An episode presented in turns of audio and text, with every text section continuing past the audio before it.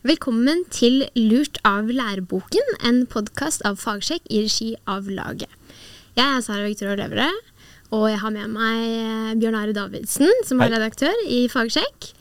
Og så har vi med oss en spennende gjest i dag, Glenn Peter Sætre. Velkommen. Tusen takk. I dag så skal vi snakke om et tema som har blitt ganske stort og ganske vanskelig å snakke om. Og det er nemlig kjønn, og hvordan vi skal snakke om kjønn i skolen. Hvordan vi skal snakke om forholdet mellom biologien og ulike måter å tenke om kjønn. Og da er det jo veldig fint at vi har deg med oss, Glenn Petter.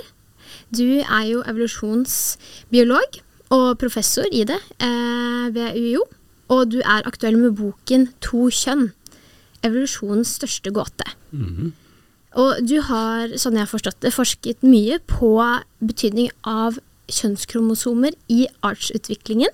Det er riktig. Mm, og det er noe av dette som danner grunnlaget for boken også, den forskningen din her.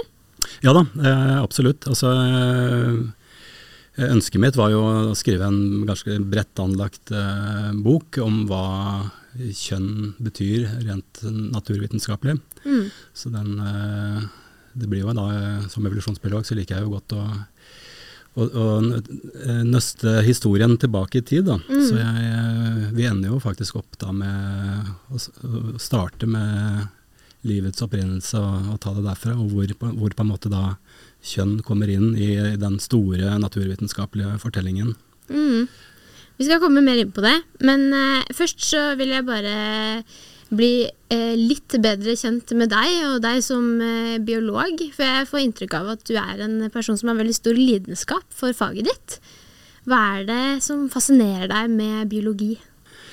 Eh, Så den naturinteressen har egentlig fulgt meg hele livet. Og så var det vel kanskje i studietiden hvor jeg begynte da å lese litt mer sånn populærvitenskap og sånt, og, og oppdaget bøkene til Richard Dawkins f.eks., hvor jeg da så at det faktisk da var mulig å kombinere da, skal vi si, fag og eh, intellektuelle sysler med naturinteressen. Så Mm.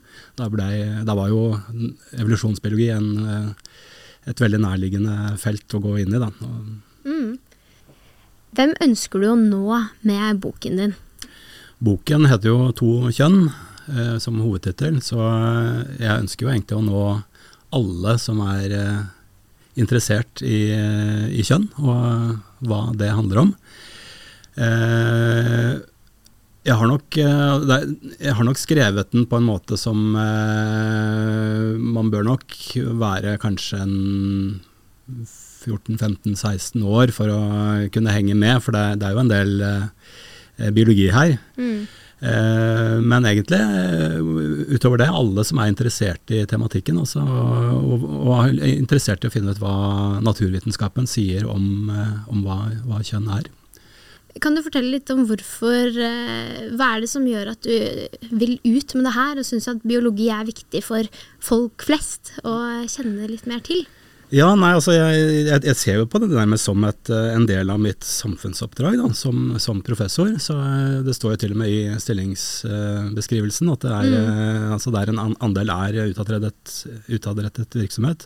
Og det er en del av eh, jobben jeg syns er veldig spennende også. For det, eh, mye av det jeg forsker på og, og underviser i til studentene, det, det har jo også implikasjoner på for samfunnet. Da. Så eh, at det er eh, å bidra da til en bedre opplyst allmue om, eh, om relevante Eller skal vi si områder da, hvor biologien er, er relevant, så, så, så føler jeg da at jeg har, et, har en, en viktig stemme. Da. Mm.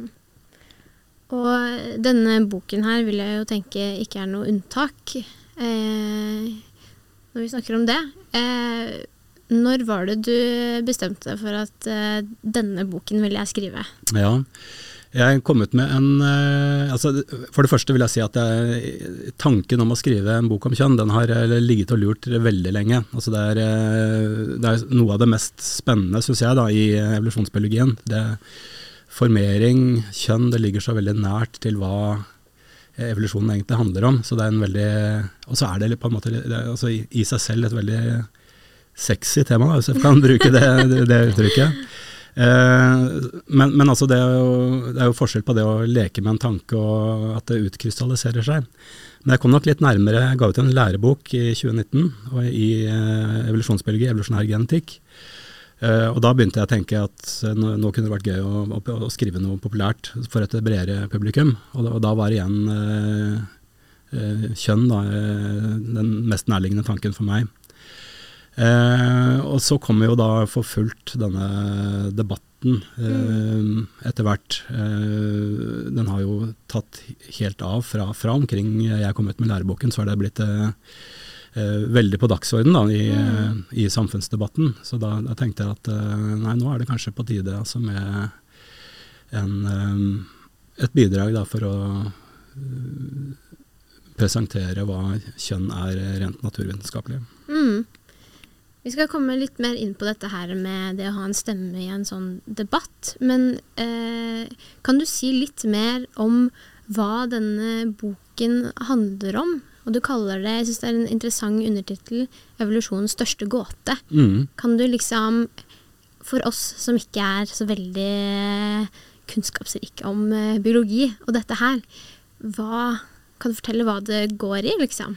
Ja, altså Som sagt så er uh, boken primært om naturvitenskapen. Altså det, det, jeg, går i liten grad inn i samfunnsdebatten og skal vi si Eh, alternative syn på kjønn som, som ikke har en forankring i naturvitenskap. Det, det, handler ikke boken om, så det er greit å presisere det. Eh, men altså, hva er gåten? Eh, det er jo flere gåter, vil jeg si, men eh, kanskje den største er jo det at eh, kjønnet formering, da, altså det at man to individer kommer sammen og utveksler kjønnsceller, og det er utgangspunktet for det nye livet det er en veldig omstendelig måte å bli flere på. Mm. Det finnes eh, enklere og mer effektive måter å mangfoldiggjøre seg selv.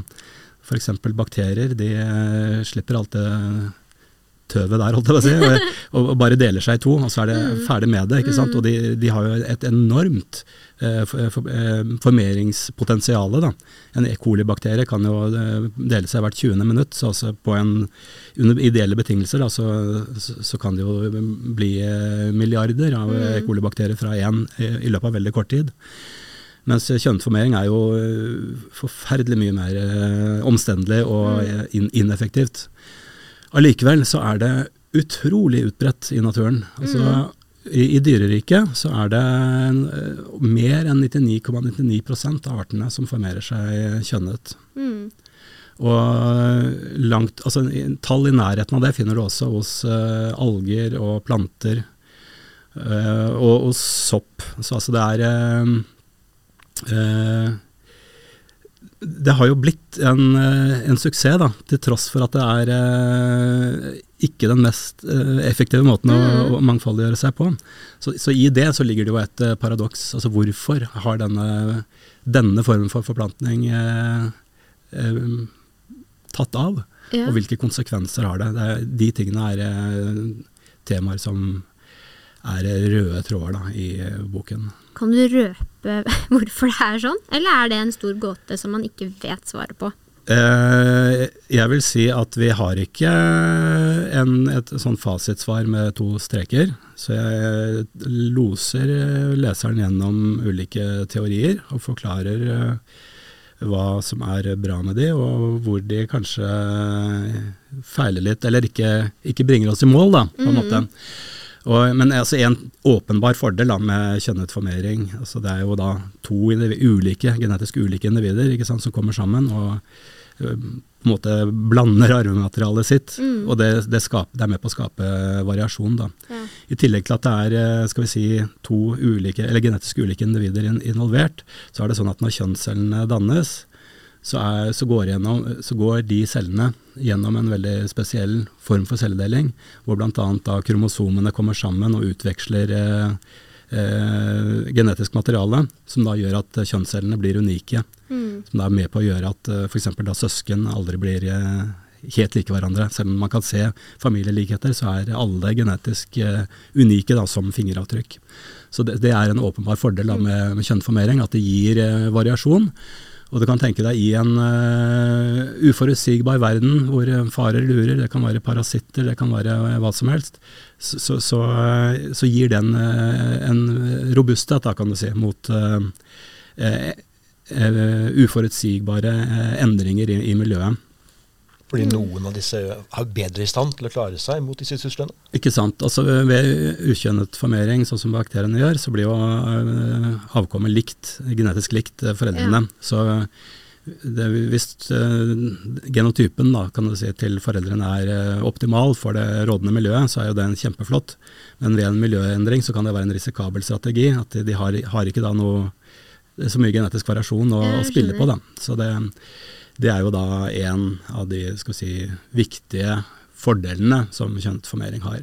Mm. En annen ting er at uh, det, den der prosessen hvor kromosomene kommer sammen og uh, gjør rare ting seg imellom, det, det, er også en prosess hvor uh, eh, DNA repareres.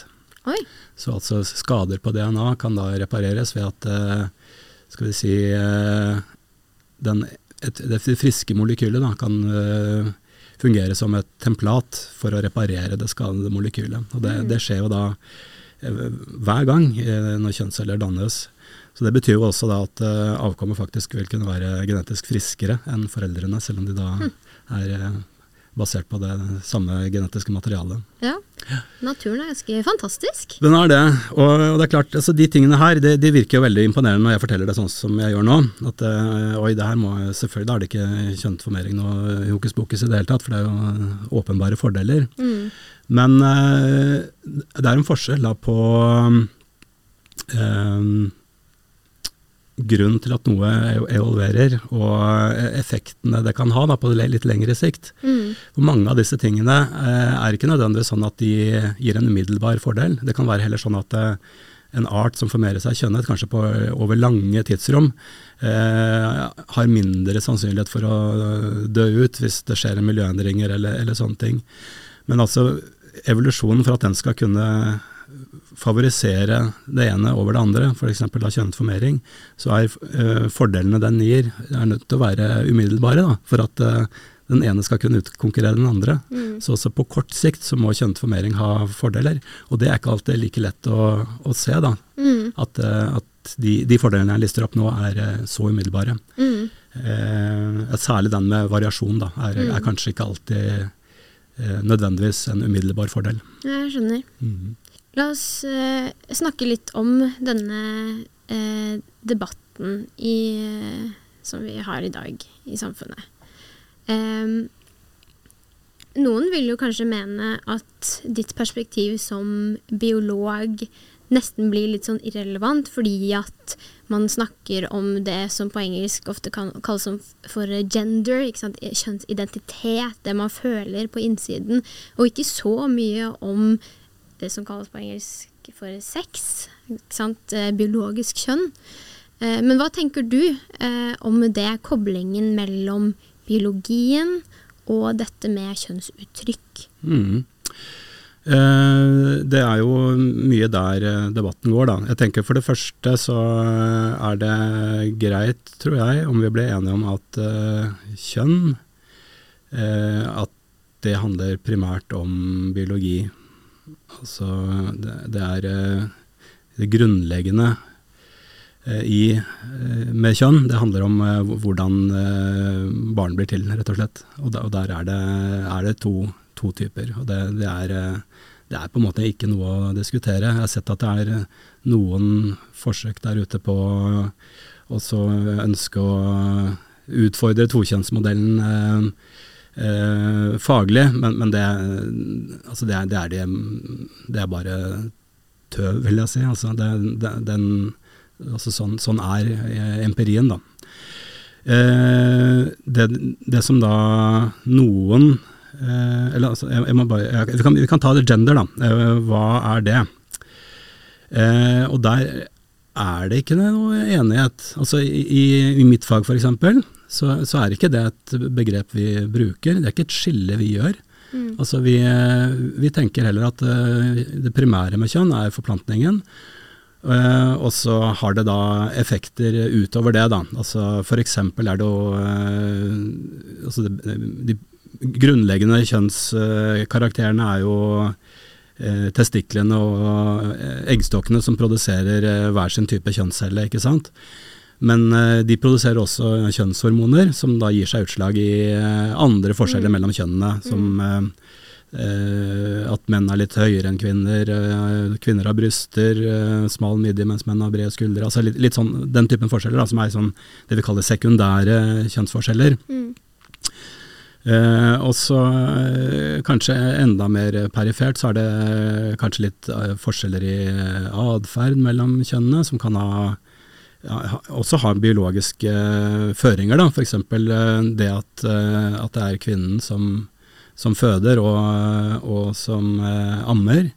eh, vil jo kunne ha føringer for atferden mellom kjønnene, altså at eh, kjønnene oppfører seg også litt annerledes. Så Det er på en måte utgang, det utgangspunktet en biolog vil ta, at vi begynner med det primære, og så jobber vi oss utover til ting som eh, har med kjønn å gjøre, men med mindre og mindre. Eh, og når det gjelder gender, da, som uh, brukes på engelsk, så er, vil de fleste nok uh, bruke gender som et synonym på uh, sex, faktisk. Altså de Kanskje særlig Altså sex, det er jo på en måte litt sånn eh, kraftfullt, sanselig ord, som er nesten litt sånn litt flaut å, å si. Så, så jeg tenker at mange vil da bruke gender som et sånn eufemisme. Altså at det, det høres på en måte litt sånn mindre farlig ut da, å si gender istedenfor eh, sex. Men så har du da noen akademiske miljøer, som da f.eks. kjønnsforskningen, sexologien og så, sånne ting, hvor man har eh, forsøkt da å, å, å lage seg et nytt eh, fag, en ny fagterm, som da har blitt gender, Ja. som de da mener er noe annet enn det biologiske. Og da eh, tenkte, altså De akademiske diskusjonene der de har jo da stort sett handlet om eh, kulturelle ting. altså Man tenker seg at eh, eh, mange av de forskjellene da mellom kvinner og menn, gutter og jenter, at det er eh, kulturelt betingede trekk. Altså sosiale det, forhold. Uh, og- det har de jo åpenbart litt rett i. Altså, det er jo ikke sånn at det ligger noe biologi at rosa er, har blitt jentefarge og blått guttefarge f.eks. Altså, det, det er bare en sånn konvensjon vi har blitt eh, enige om, og så lager vi oss eh, på en måte en sånne regler som kanskje ikke eh, har så mye med biologien å gjøre. Men, men da, hvis det er gender, så er, så er det jo egentlig et veldig perifert eh, fenomen, da. Så eh, hvis det bare er liksom sånn kulturelle artefakter av, eh, av hvordan vi samhandler, på en måte. Men i debatten nå så, så gjør, jo, forsøker man jo å gjøre gender til noe veldig stort, og, og nærmest mm. være en eh, skal vi si en veldig veldig viktig identitetsmarkør. Da. At eh, jeget på en måte blir veldig nært knyttet til eh, tanken om eh, hvilket eh, kjønn man tilhører. Og, og dette kjønnet er på en måte gjøres til noe som er eh, veldig løsrevet egentlig fra, fra kroppen. Mm.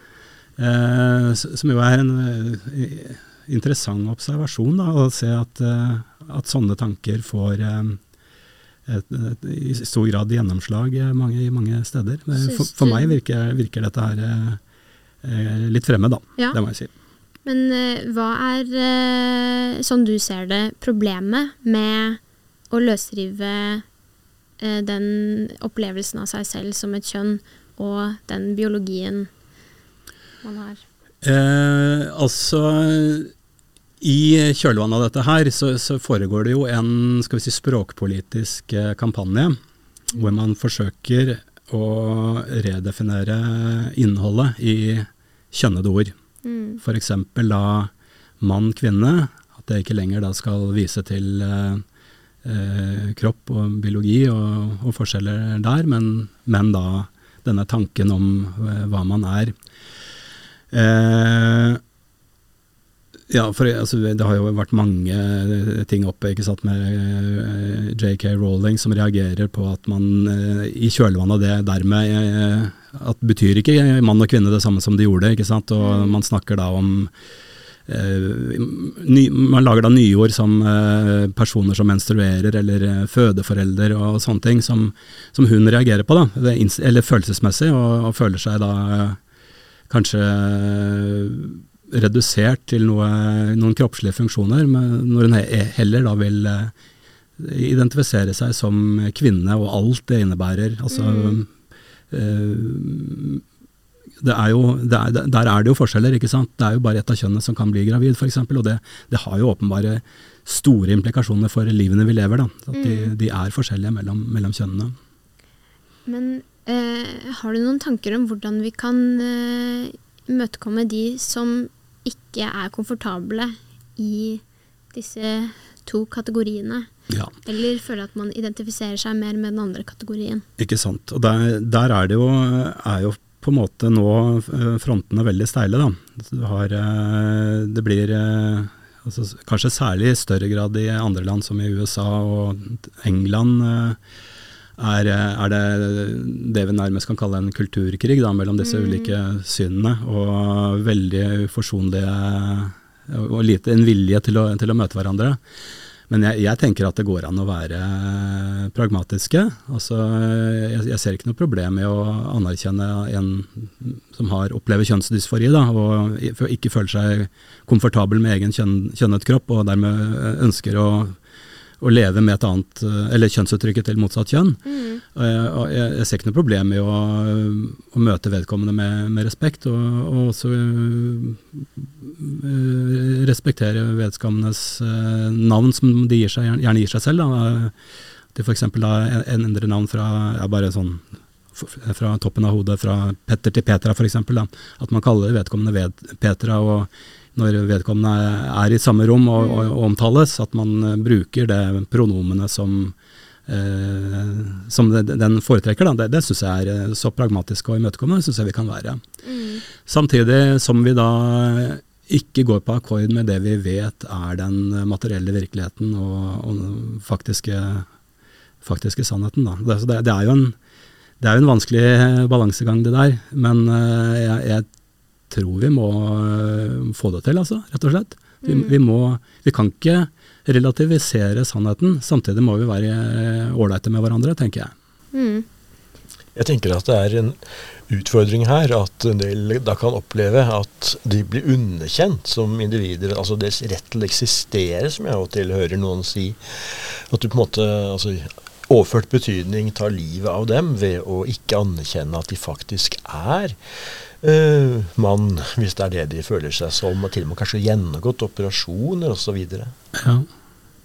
Jeg er ikke med. Jeg, jeg syns at det er uh, For meg opplever jeg det som en hersketeknikk. Altså at man Da legger man et voldsomt moralsk ansvar da, på en som bare forholder seg til den fysiske verden eh, ved å liksom, ja, kalle dette nærmest en hatkriminalitet. Da, det å, å, forholde seg til den eh, fysiske virkeligheten. Da. Så, og, og, og, det er jo ikke sånn at eh, et menneske som har eh, kjønnsinkongruens, opplever kjønnsdysfori, eh, ikke er realitetsorientert. Altså, det er jo ikke en vrangforestilling eller sånt. De er fullt klar over eh, eh sin fysiske kropp, mm. men de, de, de, har problemer med den. Da. De, de, gir dem et følelsesmessig psykisk ubehag, at, at, den er som den er, og de ønsker den annerledes.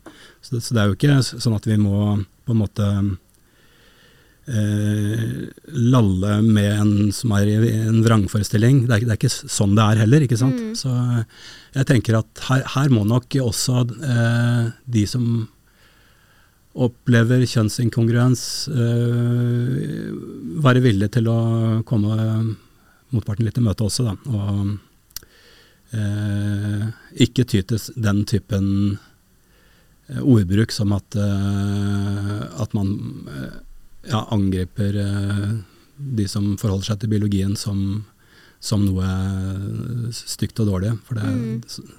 Sånn er jo bare verden, mener jeg. Mm. Men uh, opplever du at du blir uh, oppfattet ondsinnet og intolerant? I liten grad, vil jeg si.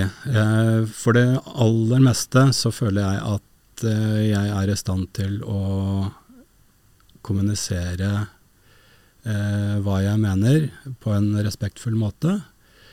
Eh, men, men, det er jo, skal vi si, det hender jo at, at jeg blir misforstått, jeg også. Eller kanskje jeg også kan noen ganger uh, uttrykke meg klønete, da, eller uh, bli, bli, misforstått. Uh, så helt, helt knirkefritt er det, jo, er det, jo, ikke. Det er jo, det er jo, et følsomt tema, ikke sant, mm. som veldig lett At man veldig lett får litt sånn piggene ut da, hvis man føler, føler seg føler det som et angrep, de, de, de tingene jeg sier. Så, eh, men jeg, jeg, forsøker i hvert fall etter beste evne å navigere farvannet eh, på en ryddigst mulig måte. Da. At jeg eh, formidler faget mitt, ikke sant. Mm. Og, og, men samtidig forsøker å møte mennesker med, med respekt. Mm. Eh, har du opplevd, eller er du redd for, at eh, boken din og dine ytringer som biolog kan brukes til å underbygge hatytringer og diskriminering mot uh, sårbare grupper og personer? Uh, altså, jeg, jeg, har jo ikke kontroll over hva, hvordan andre mennesker uh, hvordan andre mennesker argumenterer. Mm. Men uh, altså, ut ifra det jeg skriver, så mener jeg det skal, skal godt gjøres å altså, lese inn noe hatefullt i det, altså. Så da, da, tenker jeg heller at det får være på deres kappe, hvis de uh, dreier det jeg skriver i den retning. Så mm. Uh, nei, altså Målet mitt som fagperson er jo, er jo, å søke sannhet, ikke sant. Mm. Det er jo mm. Vitenskapens ideal er jo å nærme seg en sannhet. og vi vi er jo aldri der at vi kjenner og kan den hele fulle sannhet, men det er på en måte vitenskapens uh, streben. da, Det er, mm. å, det er, å, finne ut av ting. og, uh, og, og, og sånn, og det, det, mener jeg det må være en, uh, en, en, fin ting, da. Mm. I skolen, vi snakker jo en del om det i denne podkasten, den heter jo Lurt av læreboken. og Eh, det skjer jo noe på fronten eh, når det kommer til undervisning i skolen og nye lærebøker som omtaler kjønn på en eh, ny måte. Hva, hvordan skulle du helst sett at det var i skolen? Ja, nei, jeg, jeg tenker vel at det er viktig at skolen formidler sannhet. Altså i størst mulig grad søker å formidle sannhet. Det, det, gjelder jo da både å formidle hva kjønn er, eh, men det betyr jo også at man eh, eh, Altså det, det, det, må ikke være sånn at å snakke om at en del mennesker opplever kjønnsinkongruens, at det blir tabu, på en måte. Så man må jo kunne formidle det også. Det er vel kanskje litt måten man gjør det på, da. At man, at man ikke går i den fellen at man lar det gå kulturkrig i det, og at man uh, nedsnakker uh, biologien og later som om den ikke er så viktig, eller, uh, eller kanskje til og med litt feil, da, sånn som man ser, kan, kan, se tilløp til da, i enkelte, enkelte, tekster fra enkelte miljøer. Mm. Og så er det jo dette med at kjønn er jo et tema som seg Som er relevant i flere fag. Man har jo liksom naturfag og dette med biologi, og så har man jo samfunnsfag med disse konstruksjoner og oppfattelser av kjønn. Og selv i altså, grammatikken så har man jo kjønn. Mm. Eh, men eh, hvordan kan de ulike fagene snakke godt eh, sammen? Har du mm. noen tanker om det? Ja, det, det har jeg, og det, det, har egentlig vært en kjepphest for meg lenge.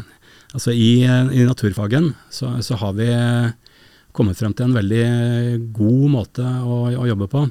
Og det er sånn at uh, når jeg som biolog uttaler meg om eller ting, eller uh, lager teorier, fremsetter hypoteser, så, så, kan jeg ikke, eller så må jeg ta høyde for at, uh, at den må være forenlig med andre naturfag.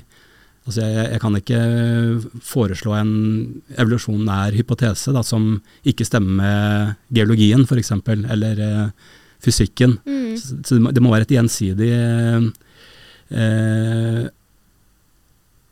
en gjensidig konsistens da, hele veien. At, eh, altså Naturfagen på en måte og, og, er som en helhet på den måten. da. og der tenker jeg at sånn bør jo egentlig også andre fag eh, være? Psykologi f.eks. må jo forholde seg til at eh, tanker, eh, psykologiske mekanismer, foregår mellom biologiske vesener. ikke sant? At, at man tar høyde for det. at at, ikke bare at de er mellom biologiske vesener, men at disse har en evolusjonær fortid. da. Så det, Der også bør det være en, en, en slik sammenheng eh, at man ikke kan på en måte lage seg teorier som eh, er i strid da, med de andre, fag, andre og kanskje mer grunnleggende fagfeltene. Mm. Så, og, og der eh, syndes det av og til, vil jeg si. Altså, av og til i, i de skal vi si, mer eh, humanistisk orienterte fagene, så, så, så er det liksom tendenser til at man nærmest gjør deler av naturfagen til en fiende, da, og ønsker å tenke at det vi, vi holder på med har ingenting med biologi å gjøre. Det, mm. Men det er jo ikke sant, for det, det, det, humanistiske fag handler, om er jo mennesker, og mennesker er, har en biologi, og det, det kommer man ikke unna. Så det, det, det, det må henge sammen, da, Mm. tenker jeg. Ja, interessant. Bjørn Are, du har jo tanker om det meste, så du har sikkert noen tanker om det her òg. Hvordan skolen kan snakke om kjønn, og også dette med hvordan ulike fag kan snakke godt sammen. Ja, jeg støtter jo Petter veldig at eh, man må jo forholde seg til virkeligheten, da. Og da er jo spørsmålet fort hva er virkeligheten?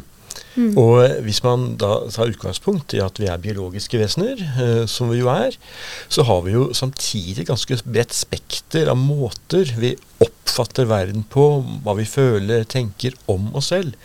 Og det jeg syns er en utfordring her, er jo hva dette med identitet er og har blitt.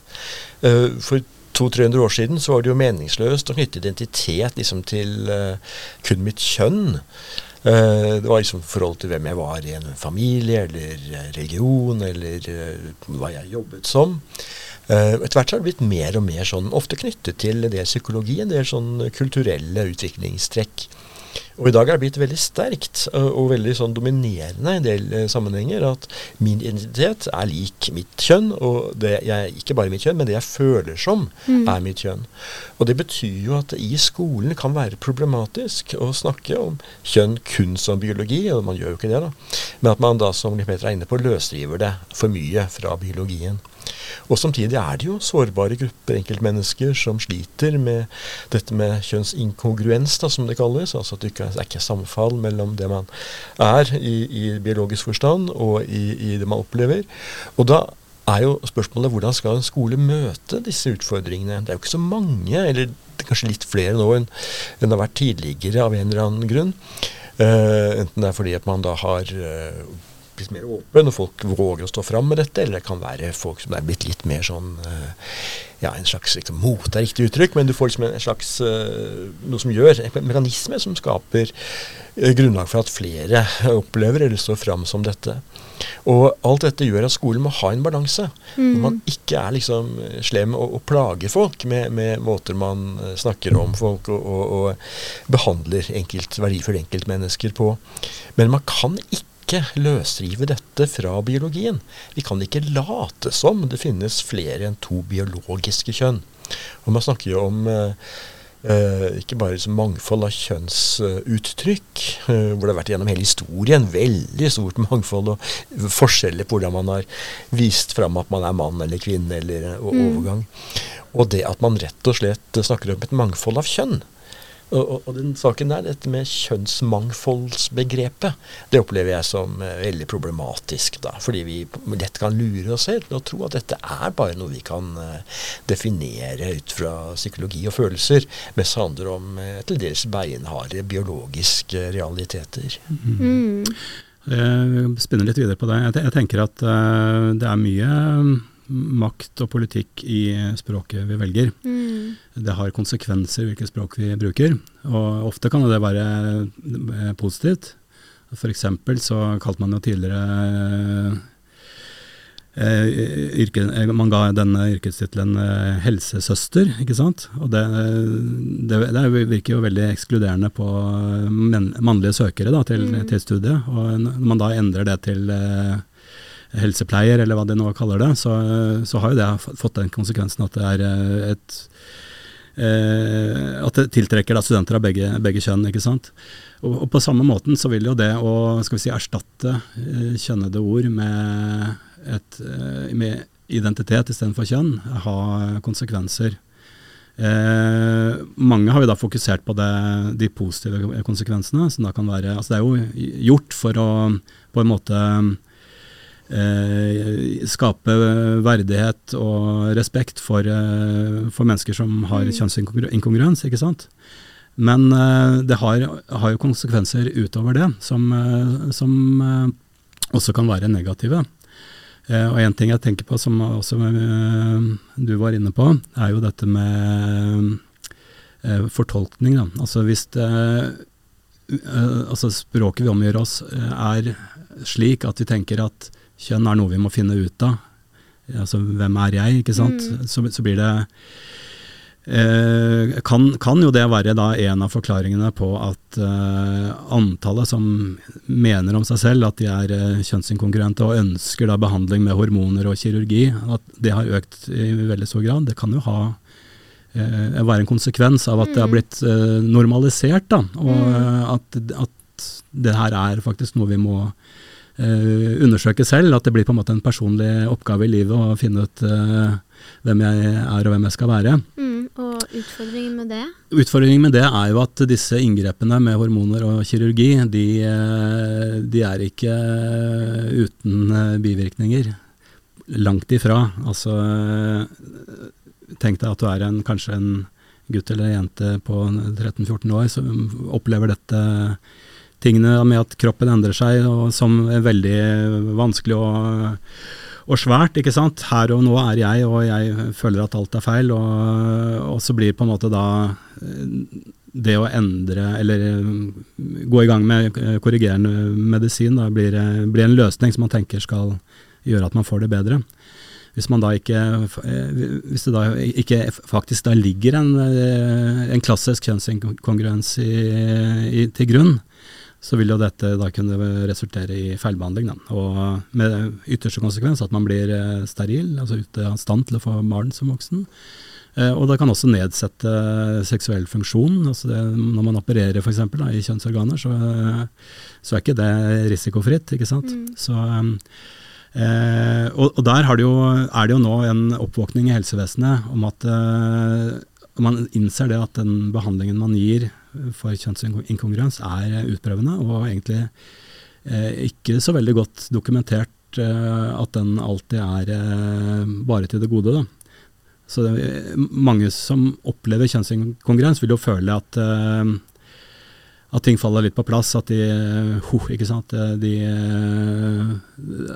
de, gir en, en, følelse av at man får det, får det bedre, men ikke for alle. Mm. Og, det betyr jo da at man i hvert fall må være veldig nøye og påpasselig med hvem som får slik behandling, og, og hvem som eh, man heller kan tilby annen type behandling. Mm. Så der, der, er vi midt oppe i en uh, veldig viktig uh, medisinsk-etisk uh, debatt. Hvor, også hvor frontene er steile, og hvor, mm. hvor det kanskje da har vært litt for sterk tendens i den si, liberale retningen. Ikke så mye i Norge, eh, men eh, i ganske stor grad i andre land. I Sverige f.eks. Eh, så gikk de veldig langt i å dele ut hormoner og sånt til unge som mente seg kjønnsinkongruente. Mm. Der har man, har man, strammet inn. Mm. Mens i USA f.eks. er det fortsatt veldig mange delstater i stor grad fritt fram også for, for den typen behandling. Mm. Så mange er jo da redd for at vi om kort tid, relativt sett, noen, noen, år, vil kunne se at veldig mange da, har eh, blitt feilbehandlet og vil angre seg. og, og, og da har gjennomgått behandling som er irreversibel, og som ja, har preger, eller, ja, skader dem, preger dem for livet. Mm. Det er alvorlig. Ja.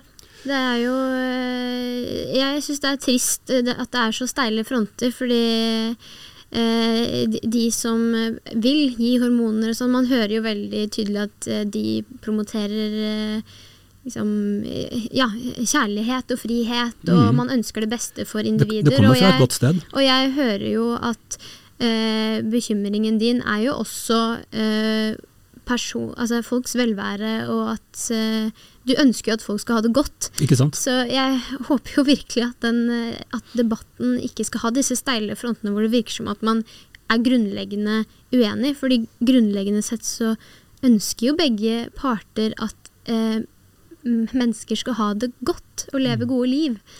Det det er en utfordring her at en del av disse spørsmålene tas opp i en del miljøer som det ikke er enkelt å sette pris på. En del ytterliggående politiske miljøer, en del konspirasjonsteorimiljøer. Jeg har jobbet en del med konspirasjonsteorier, og jeg ser det som sterkt problematisk at man der finner støtte for, for uh, ting som altså, både jeg kan være enig i, da, som på dette feltet som Petter legger vekt på, men for totalt andre ting som går på å uh, forby slik behandling, og til og med kanskje rett og slett fengsle folk som ønsker det. Altså, du, du, du har veldig ytterliggående eh, Ja. politiske fløyer her sånn, som er skremmende. Det... Og det fargelegger dessverre debatten, på, og det ødelegger for den eh, seriøse, rolige, saklige, evidensbaserte samtalen. Mm, Avslutningsvis, hva er, skal vi gjøre? er, faren er jo at uh, man uh, ikke ser, ser nyansen. Da. At, at, Mm. at debatten ikke da er der den bør være, mellom uh, mennesker som vil eh, hverandre vel, og eh, finne de beste løsningene for individer og for samfunn. Mm. Men at, at, eh, at på en måte skal si, ytterfløyene får eh, får kapre debatten, og at mellomstemmene på en måte blir dyttet inn i hver sin skyttergrav. Det, Mm. det er det vi må unngå. da. Vi må, vi må møtes, og vi må prate sammen. Mm. Med det så må vi avslutte denne samtalen her. Tusen takk, Glenn Peter Sætre, for at du har vært med oss. Og takk til Bjørn Are. Eh, takk til dere som har lyttet til Lurt av læreboken. Ha det godt.